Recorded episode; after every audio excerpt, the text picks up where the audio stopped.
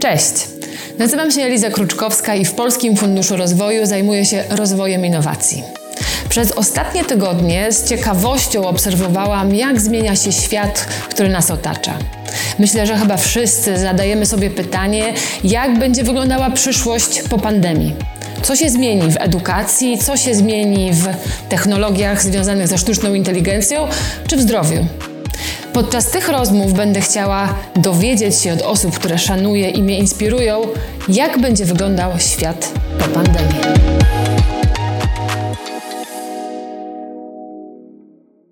W dzisiejszym odcinku rozmów o przyszłości porozmawiamy o gamingu i finansowaniu gamingu. Moim gościem jest Borys Musielak, szef funduszu Smok Ventures. Co to znaczy Smok Ventures?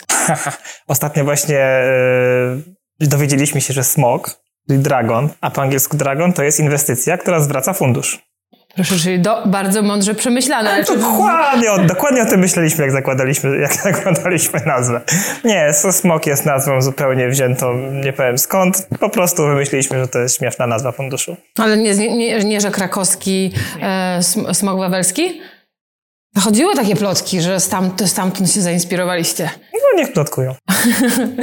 Dobra, to co ten smok robi? E, dzisiaj chciałabym rozmawiać o tych grach, e, bo wiem, że z tych wszystkich funduszy PFR Ventures, bo jesteście jednym z nich, e, wy specjalizowaliście się w inwestycje właśnie w tej branży gier wideo. Tak chcieliście od początku, czy po prostu życie pokazało, że tam jest najwięcej zwrotów z inwestycji? No to wynika z tego, jakie doświadczenie mają nasi partnerzy, e, czyli Paul Bragiel przede wszystkim, który zakładał spółki growe, sprzedawał spółki growe, inwestował w duże spółki growe. To jest Amerykanin, prawda? Tak, ale polskiego pochodzenia, mhm. z Chicago. Więc to była na pewno od początku część, zakładaliśmy, że z 20-30% funduszu pójdzie w gry. E, co już w praktyce, jak teraz inwestujemy od ponad pół roku, no wygląda, że będzie tego trochę więcej. Ale niekoniecznie wynik pandemii, po prostu wyszło nam, że mało jest funduszy w Polsce, które się na tym znają. E, my jesteśmy pewni, że jesteśmy w stanie dobrze zanalizować e, tego typu spółki i też rozumiemy biznes growy. E, no i możemy też pociągnąć inne fundusze do tego, żeby inwestowały. Ale na razie jesteśmy jednym z nielicznych, które w ogóle są tym zainteresowane, co jest dla mnie absurdalne, bo Polacy są w grach najlepsi na świecie. Ile już macie inwestycji? To zależy jak liczyć. Siedem e, term sheetów podpisaliśmy. Trochę mniej się jeszcze zrealizowało, ale to są te, które zakładam, że się zrealizują w ciągu miesiąca. No, bo ty jesteś, e, znamy się już trochę. Znamy się. się. znamy się z czasów Startup Poland, e, fundacji, a właściwie think tanku technologicznego, który założyłeś parę lat temu, ale założyłeś go dlatego, że byłeś sam startupowcem, czyli osobą, która prowadziła, pracowała w spółce technologicznej i była takim animatorem tego środowiska w sumie chyba od początku. E, dużo czasu się zmieniło, znaczy dużo czasu zmieniło sytuację? Czy jak, jak wygląda ta polska scena startupowa? Dużo lepiej niż wyglądała 10 lat temu, kiedy gdzieś tam na nią wchodziłem. E, jak ja zaczynałem robić fundraising na swoją spółkę, no to może rozmawiałem z pięcioma inwestorami. To był Filmaster, tak? Filmaster pięcioma inwestorami w Polsce i to byli wszyscy właściwie, którzy wtedy inwestowali. Który to był rok? 2010.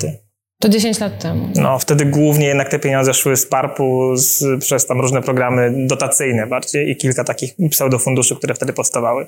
Więc to się no, niesamowicie zmieniło. Teraz mamy pewnie już 40 funduszy jakoś tam działających, z czego no myślę, że z 10 mamy niezłych funduszy już, już, już w Polsce. E, plus też no, zmieniło się mocno, jeżeli chodzi o to, jak ludzie postrzegają startup. Paul Bragiel, myśmy się poznali w 2012 roku, kiedy tu przy, przyjechał po raz pierwszy tak oficjalnie myśląc o inwestowaniu. I tam pierwsze swoje inwestycje takie też zrobił wtedy, no ale to nie był czas dla niego. Jeszcze było długo, długo, zanim on stwierdził, dobra, to jest ten moment, żeby mm -hmm Polska już była na tyle gotowa, że jest w stanie tutaj wejść, zainwestować i faktycznie zarobić, a nie tylko być jednym z tych pierwszych early adopterów sceny VC. Także teraz no, jesteśmy, myślę, że w idealnym momencie, gdzie możemy jednocześnie zarobić pieniądze, ale też y, zdobyć, jeszcze, ma, jeszcze jest miejsce na to, żeby być jednym z topowych funduszy nie tylko w Polsce, ale w tej części Europy. Taki jest no cel Smoka. Jak duży jest to fundusz, który macie? 46 milionów złotych. O, 46 milionów i inwestujecie w tą taką pierwszą fazę, e, fazę, fazę zalążkową, tak? To jest tam od 250 tysięcy złotych do 3 milionów. Per Najmniejszą inwestycja. inwestycję zrobiliśmy 200 tysięcy właśnie przed sekundą, w zeszłym tygodniu podpisana, a największą możemy zrobić 4 miliony złotych. Eee, z tym, że najczęściej to jest w dwóch fazach, czyli tak nasze taki sweet spot, no to jest około miliona złotych, półtora miliona do dwóch milionów. Czy to, czy za milion złotych można już zrobić grę? To zależy jaką grę.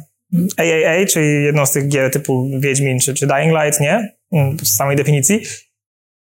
Ale można zrobić co najmniej kilka gier mobilnych, przetestować ileś wersji gry mobilnej. E, można zrobić też grę, e, taką low-endową grę na PC-ta. To znaczy E, low-endową? No, kosztującą około tam 5 do 12 dolarów. To jest mniej więcej tego typu gra, którą robi jedno z pierwszych studiów, w które zainwestowaliśmy, czyli Exit Plan Games. Myśmy tam włożyli tylko 400 tysięcy złotych razem z fińskim funduszem SIS-u, a teraz właśnie domykamy kolejną rundę, która będzie na około tam 3 miliony złotych. Już coś, co ciekawe, z inwestorami, którzy wcześniej nie wchodzili w gry. Okej. Czyli jakby dzięki temu, że myśmy weszli i że tą naszą ekspertyzę pokazaliśmy. Y, Nie, to są akurat polscy inwestorzy Mhm. prywatni. Y, Cała runda jest prywatna poza smokiem. Y, I za 4, za 3-4 miliony już można zrobić w miarę porządną grę, która zarobi, miejmy nadzieję, kilkakrotnie tyle. No i będzie takim zalążkiem do stworzenia nowego, dużego studia growego, które możliwe, że w przyszłości będzie też robiło gry większe. Czyli te 400 tysięcy złotych w tej pierwszej rundzie inwestycyjnej na co posłużyło? To Czym- posłużyło Mhm. głównie na stworzenie takiego prototypu, grywalnego prototypu, czyli czegoś, co to się vertical slice nazywa, albo właśnie taki prototyp, który już można zainstalować, taka alfa, żeby pierwsi użytkownicy już mogli powiedzieć, ok, już mniej więcej taki będzie look and feel tej gry, jeszcze nie są wszystkie tam poziomy skończone, to jeszcze nie jest całość, którą można pokazać na Steamie, ale to już jest coś, co spowoduje, że inwestorzy kolejni wchodzą już nie w pomysł, jak myśmy wchodzili, tylko w coś, co już jest bliskie realizacji i teraz jest tylko kwestia, jak to się sprzeda. Eee, czyli pokazanie, że już ten produkt istnieje, jest stworzony, jest już bliski temu, co będzie końcowo. Czyli pomysł, czyli wy zainwestowaliście, bo mówi się, że w Polsce już w pomysły się nie inwestuje, że ten rynek jest na tyle dojrzały, że już potrzebujesz mieć trakcję, czyli sprzedaż, chociaż mieć pierwszego klienta. Odwrotnie. Nie? Inwestuje się właśnie na dojrzałym rynku, się inwestuje w pomysły, w sensie jest już wystarczająco dużo pieniędzy, że też w pomysły się inwestuje. No tutaj było tyle pro, proste, że to ludzie, w których zainwestowaliśmy, to byli tacy seryjni przedsiębiorcy, a jednocześnie niesamowicie doświadczeni ludzie na, na rynku gier. E, Tam Damien i Jose, którzy są głównymi takimi twórcami, no to oni pracowali już ponad tam 10 lat na rynku gier, między innymi właśnie w Techlandzie i w CD Projekcie, pracowali nad nie byli jakimiś tam y, pionkami, tak, tylko byli głównymi osobami, które, które zajmowały się Wiedźminem trójką i Dying Lightem dwójką, więc dla nas to było, to jest ta walidacja. Jakby przyszedł, przyszła osoba, która nigdy nie robiła gry, no trudno nam by było zainwestować na etapie pomysłu, Pomysłu. czy nawet takiego wstępnego jakiegoś planu. Tu musielibyśmy zobaczyć więcej, właśnie tego, co najmniej tego vertical slice'a, żeby pokazać, że w ogóle Ym, Przepraszam, że żargonem mówię, ale gracze będą rozumieli o co chodzi, ale też y, jeszcze przed monetyzacją to jest ok. To jest, musimy wtedy zobaczyć, że ta gra będzie wys- wystarczającej jakości. Jeżeli chodzi o PC-owe gry, jeżeli chodzi o mobilne gry, no to przede wszystkim musimy zrozumieć, że człowiek rozumie, jak działa promocja tych gier A które jest droższe właśnie, pewnie zrobienie tej PC, to jest PC, droższy, a czyli mobilny... na komputer. Tak. Mobil... To, chociaż to się teraz y, z całym rynkiem cloud gamingu, to się może wszystko połączyć w jedno. A co to znaczy cloud gaming? Cloud nie wiem, czy gaming. wszyscy wiedzą. No to jest proste do wytłumaczenia. Kiedyś były płyty DVD, na których się oglądało filmy, potem przyszedł Netflix. Tak. Podobnie będzie z grami. Y, Teraz gry instaluje się przez Steam albo na płytkach. Czyli Steam jest takim Netflixem dla gier. Nie, nie. Cloud gaming to jest nowy, nowy, nowy system od Google'a, Stadia i kilka innych y, tego typu. Steam też będzie miał swój system, który robi z Nvidią. Ym, To jest miejsce, gdzie, dzięki, dzięki któremu będziemy mogli grać w gry nawet na słabym sprzęcie i będziemy mogli grać w gry trochę w stylu mobilnym, czyli po prostu instalujemy sobie tą grę pyk i nawet free to play, czyli nie płacimy, zaczynamy płacić dopiero jak nam się podoba gra, a jednocześnie to będą gry premium. Czyli, to Czyli? jest, czyli, czyli no, dużo lepszej jakości, dużo dłużej można w nie grać, po prostu jakości podobnej do gier AA teraz takich y, premiumowych. Więc no, dużo się będzie działo na rynku gier. Cloud gaming jest moim zdaniem jednym z, najciekawszych teraz takich trendów. E, no jak widać, ja się na grach nie znam. Chyba jedną grę, jaką grałam, to kiedyś było coś takiego jak Prince of Persia. O, też grałem, oczywiście, że tak. Przeszedłem cały na Amidze. No, uwielbiałam tę grę. Przychodziłam do mamy do pracy i grałam na komputerze. Mm, ale e, Ale wyobraźmy sobie, że może oglądają nas e, pomysłodawcy, którzy chcieliby rozpocząć. Miejmy nadzieję. e, Miejmy nadzieję, którzy chcieliby stworzyć grę i nie mają pieniędzy, nie wiedzą jak zacząć. To po pierwsze, co byś im poradził, a po drugie, może zareklamuj swój fundusz, może w kogo szukasz, jakich talentów i, i z czym mają do ciebie przyjść. Z, z twórcami gier jest o tyle łatwo, że oni umieją robić gry najczęściej. To są, jest, jest bardzo dużo ludzi, którzy, którzy marzą o tym, żeby zrobić grę, uczą się sami Unity czy Unreal'a i, i, i tworzą te swoje pierwsze gry. Więc tutaj nie ma takiego problemu, że jak. Oczywiście jest ileś rzeczy, które trzeba się nauczyć i jest super fajne, fajne kursy, które robi Paweł Kopiński na przykład w ramach Digital Dragons Akademii. Jest sporo takich miejsc, które warto gdzieś tam, jeżeli się w ogóle chce wejść na ten rynek, ale to jest taki rynek entuzjastów, nie? To jest taki rynek, gdzie jest mnóstwo ludzi, którzy próbuje coś robić i trudno się przebić, trudno zbudować zespół i trudno też stworzyć grę, która no, będzie miała duże przebicie. A co trzeba mieć? Trzeba mieć, e, być sprawnym graficznie, czy bardziej umieć opowiadać historię i widzieć e, te wszystkie odcinki, nie, to nie się nazywa odcinki, e, jak to się nazywa, te części, poziomy, tak? poziomy, poziomy gry. Y, to też zależy od tego, czy mówimy o grach pecetowych, czy na grach mobilnych, bo zupełnie inny sposób tworzenia, inny sposób monetyzacji i tak dalej. No to kogo szukasz? Jakie... I tych, i tych. Inwestowaliśmy i tutaj, i tutaj. Już mamy kilka inwestycji w obu y, częściach. Mamy też inwestycje w e-sporcie, to też jest bardzo ciekawy y, rejon. W grach pecetowych przede wszystkim pomysł i jakość i grywalność, nie? czyli coś, co powoduje, że ta gra nie jest tylko ładna, ale będzie, będzie się w to wchodziło i będzie wiele godzin się poświęcało na tym, żeby w nią grać. No i też wejście w jakąś tam niszę oczywiście. Jeżeli kilka tego samego typu gier powstaje w tym samym roku, no to pewnie jedna będzie się naprawdę wybije. Więc trzeba dobrze się wstrzelić też w rynek. Jeżeli chodzi o gry mobilne, jakość jest oczywiście zawsze istotna, ale tutaj dużo istotniejsze jest szybka monetyzacja, czyli, mhm. czyli tak mhm. naprawdę dość podobne narzędzia, które używają ludzie, którzy tworzą konsumenckie aplikacje, czy nawet SaaSowe, czyli tak, żeby kupić użytkownika taniej niż e, ten użytkownik, żeby więcej pieniędzy wygenerował użytkownik nam na grze niż zapłaciliśmy za jego pozyskanie. I tutaj jest zarówno ta część e, taka no, sztuka tworzenia gier, czyli samo programowanie i pomysł i tak dalej, ale jednakowo istotna jest promocja i umiejętność operowania w tych googlowych wszystkich AdSense'ach, AdWordsach i tak dalej. Czyli wymarzony zespół ma w sobie kogoś, kto dobrze pisze scenariusz gry, kto, kogoś, kto dobrze potrafi, zna te mechanizmy sprzedażowe, wie jak sprzedawać i dotrzeć do klienta, coś jeszcze? I programistów. I programistów, którzy to zrobią. Jasne. Super. No to wyobraźmy sobie, że znalazłeś sobie taki zespół, dajesz mu, inwestujesz w niego 400 tysięcy złotych na start. Ile udziałów powinni oddać, żeby się później mieć, e, e, nie oddać całej firmy? W takim wczesnym etapie to najczęściej jest od 10 do 20% udziałów. Y, zwykle to będzie około bliżej 10. To jest kwestia też wyceny, to trzeba by jakoś tam sobie na tabelce no bo pokazać. Żeby nie oddawać przy tej pierwszej rundzie inwestycyjnej za dużo, bo jeżeli planujesz kolejne, no to później już nie będziesz miał z czego oddawać, tak? Trzeba sobie po prostu zaplanować, ile tych rund będzie się chciało mieć i fajnie by było jeszcze po trzeciej, czwartej rundzie mieć ponad 50% udziału, że mieli e, udział, że mieli founderzy. Żeby Więc nie tak tracić tej tak. decyzyjności. Bardzo też zależy od tego, jaki, jakiego typu firmę tworzysz, bo są firmy, gdzie e, zainwestujemy 200-300 tysięcy i ta firma będzie już y, działać i, i, i, i, i zwróci się. Nie będzie potrzeba tak naprawdę ładować więcej pieniędzy. Pieniądze będą ładowane z przychodów. A są firmy, gdzie ładować, gdzie już od samego początku wiadomo, że to jest, że jest jeszcze kilka rund do czasu, kiedy będziemy komercjalizować. No w grach na szczęście tych mobilnych to się dzieje dosyć szybko, ale w premium, no to czasem bywa, że trzeba włożyć 10 milionów, żeby, albo więcej, żeby grę dobra wydać. Jasne. Nasza rozmowa ma dotyczyć rozmów o przyszłości. Yy, czyli staramy się tutaj tak trochę robić pewne predykcje, może zobaczyć jakieś trendy i zobaczyć, jak te technologie zmieniły nas podczas lockdownu, zmieniły biznes, w którym jesteśmy i z Twojej perspektywy, yy, jakie byś zobaczył takie największe zmiany, nie tylko dotyczące gier? No, gier na pewno zmiana jest taka, że jest największy boom na gry w historii, największy boom na mhm. esport, najwięcej ludzi oglądało na Twitchu, e, jak inni grają e, e, w ostatnim miesiącu, więc jakby to jest... Co to jest Twitch? To jakaś tak... Twitch to miejsce, gdzie ludzie streamują granie w gry i opowiadają o tym, jak grają, no i ogromna masa ludzi ogląda Czyli nagrywają to. siebie, jak grają w gry, a inni ludzie to oglądają. Tak, no to, to jest po prostu esport, czyli najczęściej to są, to są jakieś rodzaje zawodów. Dwie, dwie drużyny walczą ze sobą na przykład w Counter-Strike'a czy, czy w LoL'a i tak dalej. Mi to kiedyś fajnie ktoś wytłumaczył, bo ja mówię, jak to możliwe, że kogokolwiek to może interesować, żeby oglądać kogoś, jak ktoś gra w gry. A ktoś mi super to wytłumaczył, no ale słuchaj, jak idziesz na stadion e, narodowy i oglądasz jakieś dwie drużyny piłkarskie, które grają, to robisz tak naprawdę to samo. Tak, też nie grasz. Też, też nie gram.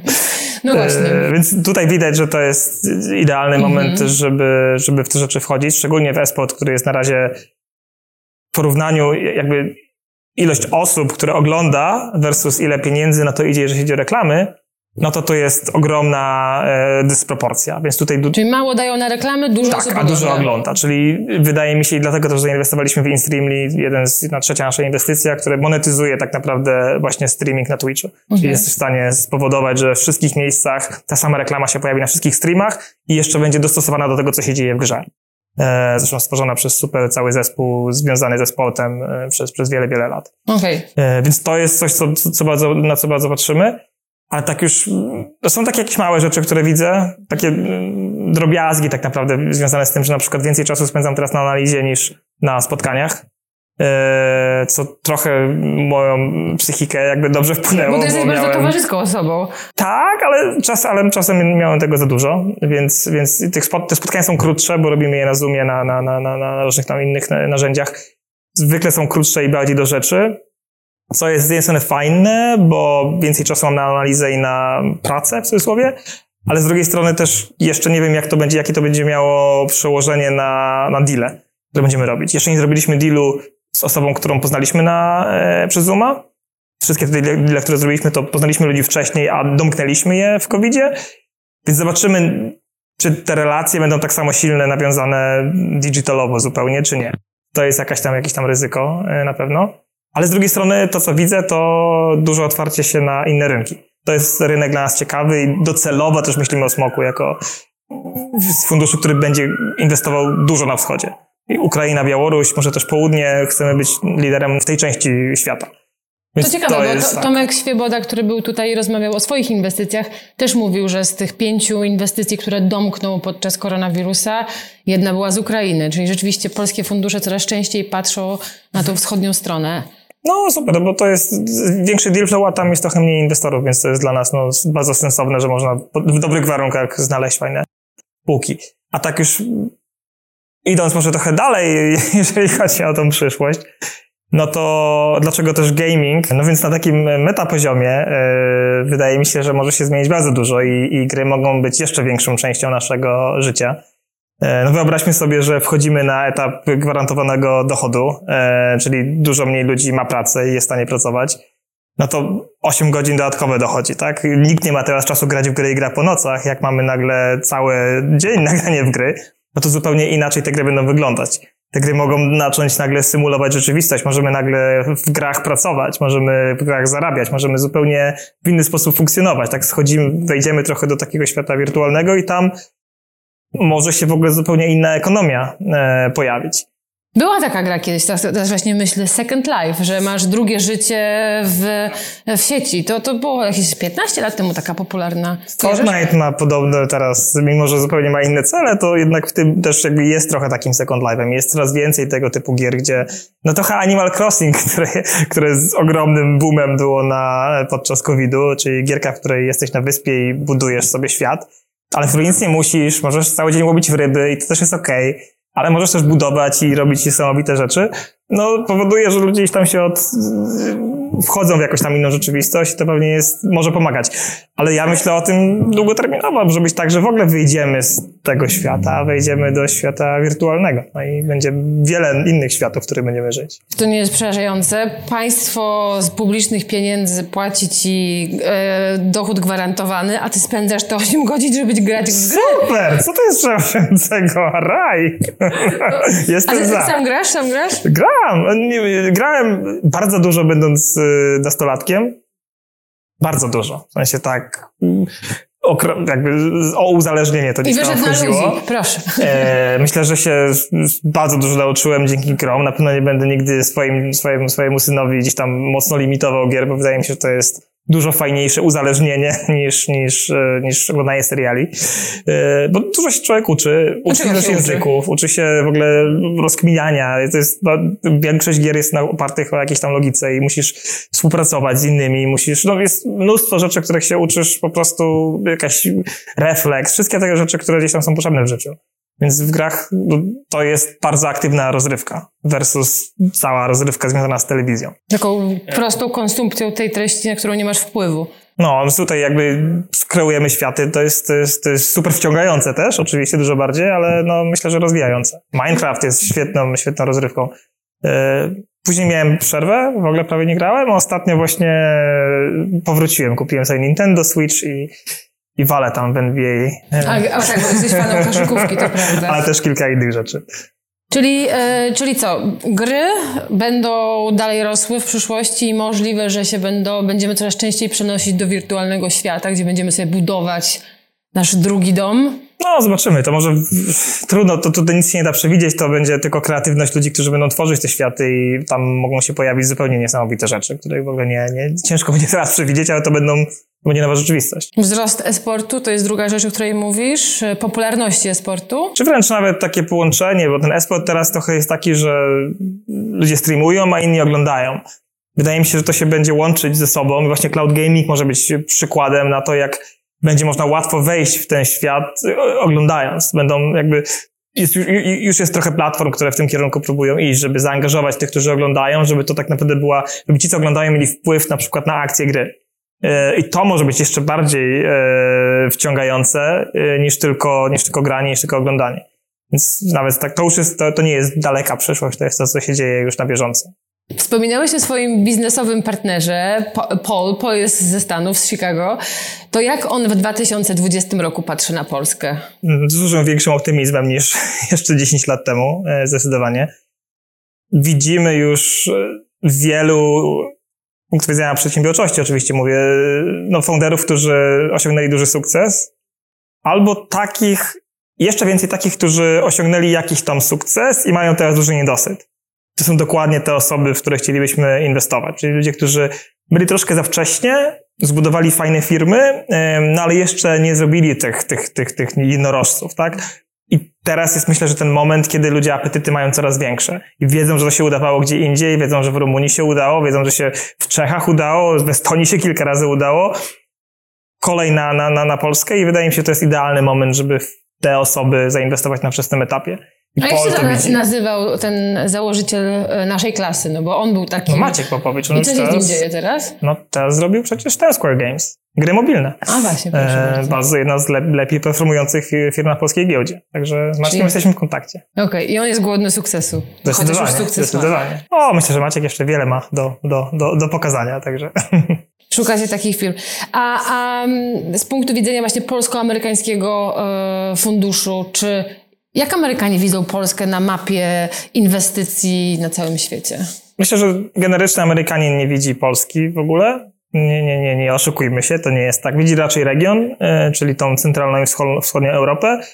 E, I myślę, że widzi ją podobnie jak widział południowo-wschodnią Azję jakieś 5 do, do 6 lat temu. Czyli yy, myślę, że w najlepszym wypadku to, do czego powinniśmy dążyć, to, to żeby Warszawa została trochę podobnym, podobnym miejscem do Singapuru yy, i być takim centrum tej części świata i wszystkie kraje wokół, Singapurze no to sobie jest tam Tajlandia, Wietnam, Indonezja, Malezja i tak dalej, yy, przyjeżdżają tam po finansowanie, po, po merytoryczną jakąś tam pomoc i tak dalej, ale rozwijają się jako cały region. To zresztą mm, Paul 10 około, około lat temu wymyślił sobie i wymyślił sobie fundusz w Singapurze, który jest jednym z głównych teraz funduszy na tamtym rynku. No i trochę podobną rzecz chcemy zrobić tutaj, tutaj w Polsce. Mm, więc no, miejmy nadzieję, że to się jakoś tam sprawdzi. To jest, to jest myślę, że taki maks, który możemy, to jest dużo, e, jakbyśmy byli takim faktycznym centrum, nawet myślimy, Amerykanie myślą o tym jako, jako takim regionie, nie, niekoniecznie tylko Polska. To co zrobić? Co Polska powinna zrobić, żeby być takim Singapurem? Myślę, że bardzo się otworzyć, e, szczególnie otworzyć się na ludzi spoza Polski, bo nie ma wystarczająco ludzi w Polsce, szczególnie w tych nietechnicznych e, rolach, czyli menadżerowie, ludzie, którzy mają duże doświadczenie, Polska jest świetnym miejscem i w tym też chcemy pomagać i robimy już takie rzeczy i takie deale się będą pojawiać, gdzie inwestujemy w świetnych przedsiębiorców spoza Polski, ale pomagamy im w Polsce rozwinąć biznes. Pomagamy im w Polsce znaleźć wspólników, programistów i rozwinąć ten biznes w kilku krajach. A czemu to jest ważne? Bo jakby ty i ja to rozumiemy, ty i ja nieraz już rozmawialiśmy z ministrami przedsiębiorczości, technologii, zachęcając ich do tego, żeby się trochę otworzyli na to, na tych obcokrajowców, żeby przyjeżdżali do Polski, zakładali swoje biznesy. Tutaj później płacili podatki. No oczywiście. Ale myślę, że taki zwykły Kowalski w dalszym ciągu trochę się boi jakichś obcych, którzy tu przyjadą i będą zakładali firmy. Wydaje się dużo fajniejsze, jeżeli oni będą tu przyjeżdżać i zakładać firmy, niż nasi najlepsi ludzie będą wyjeżdżać z Polski i zakładać tam firmy. Wystarczy sobie policzyć ekonomicznie, że to się po prostu opłaci. Yy, mówię o ludziach, którzy mają niesamowite doświadczenie, najlepszych ludziach na świecie w, w konkretnych branżach. Nie mówię, żeby, mówię o, jakby o tego typu Taki przedsiębiorcach. wysoko wykwalifikowanych... E... Tak, zdecydowanie. Aczkolwiek również warto zachęcać wszystkich startupowców, to świetnie robi program Poland Prize. Wydaje mi się, że to jest też fajny, taki długoterminowy plan. Tutaj nie przyjadą najlepsi, no bo oni nie będą widzieli... Oni jeszcze... do Stanów? Tak, albo w miejscu, w którym są, mają wystarczające możliwości, ale to też powoduje tworzenie się więzów. Te więzy są bardzo istotne, bo jak ja miałbym teraz zainwestować, no nie wiem, w jakimkolwiek kraju właściwie, który nie jest Polską, byłoby mi trudno, bo ciężko mi sprawdzić. Każda inwestycja to jest przede wszystkim inwestycja w człowieka, więc muszę poznać tego człowieka i muszę poznać ludzi, co o nim sądzą, którzy pracowali z nim wcześniej. Takie due diligence na ludziach to trudno robić, jeżeli, jeżeli nie, nie, nie mam powiązań z danym krajem i to jest też powód, dla którego inwestorzy głównie inwestują u siebie. Amerykańscy inwestorzy no, nie patrzą na Polskę, bo nie znają ludzi w Polsce. No właśnie, nie wiem, czy wszyscy wiedzą, ale amerykański inwestor, jak zainwestuje w jakąś spółkę, to będzie kazał jej się przenieść do Stanów Zjednoczonych. To jest z punktu widzenia formalnego raczej istotne, ale też jakby samo zainwestowanie w spółkę zagraniczną jest bardzo trudne. Po prostu cały ten biznes opiera się o, o połączeniach i bardzo trudno kogoś zweryfikować, jeżeli kogoś się nie zna. Więc tworzenie takich połączeń, nawet, nawet sztucznie na początku, może spowodować docelowo, że ten świat się trochę bardziej wokół Polski przede wszystkim no będzie jakoś, jakoś tam spójny i ludzie będą nas kojarzyć. Wystarczy, że ludzie kojarzą pięciu najlepszych polskich przedsiębiorców, oni przyciągną kolejnych. Jeżeli oni zainwestują raz w jakiejś rundzie, no to będą dalej chcieli inwestować. To jest tak to działa. No więc istotne jest, żeby, żeby te powiązania tworzyć jak najwięcej. No a gdybyś miał powiedzieć, o kim są ci przedsiębiorcy, których warto podziwiać w Polsce? Powiedziałeś pięciu najlepszych. Masz jakąś taką swoją listę osób, które podziwiasz? No wiesz co, no wspomniałaś o Maćku Popowiczu, na pewno to jest osoba, która jak przyjdzie do nas z biznesem, Maciek, nie wiem czy nas słuchasz, to, to, to gdzieś tam mamy już czek, który po prostu wystawiam. Jest Lechu Kaniuk, który ma niesamowite doświadczenia, wydaje mi się, że nie powiedział jeszcze ostatniego słowa. To ten, co założył pizzę portal, tak? Tak, Delivery Hero, później był szefem iTaxi. Jest Krzysiek Wierzbicki, który już kilka startupów swoich zrobił w e-commerce i bardzo, bardzo fajnie mu to performuje. Taki jakby nie, mało, mało, to są tacy ludzie, dużo jest takich osób, które nie, nie są może gdzieś tam świetnie znane, Mhm, ale... Nie pokazują się w mediach na tak, pierwszej stronie. Tak, niekoniecznie to jest dla nich istotne, ale, ale są niesamowitymi, niesamowitymi przedsiębiorcami. Michał Grzybkowski, no jest, jest mnóstwo A jakieś kobiety? osób. Bo to tak... y, Często też Ola lata... Lazar, no zdecydowanie. Zobaczymy, co, co kolejnego zrobi. Y, Teraz, teraz akceleratorem się zajmuje.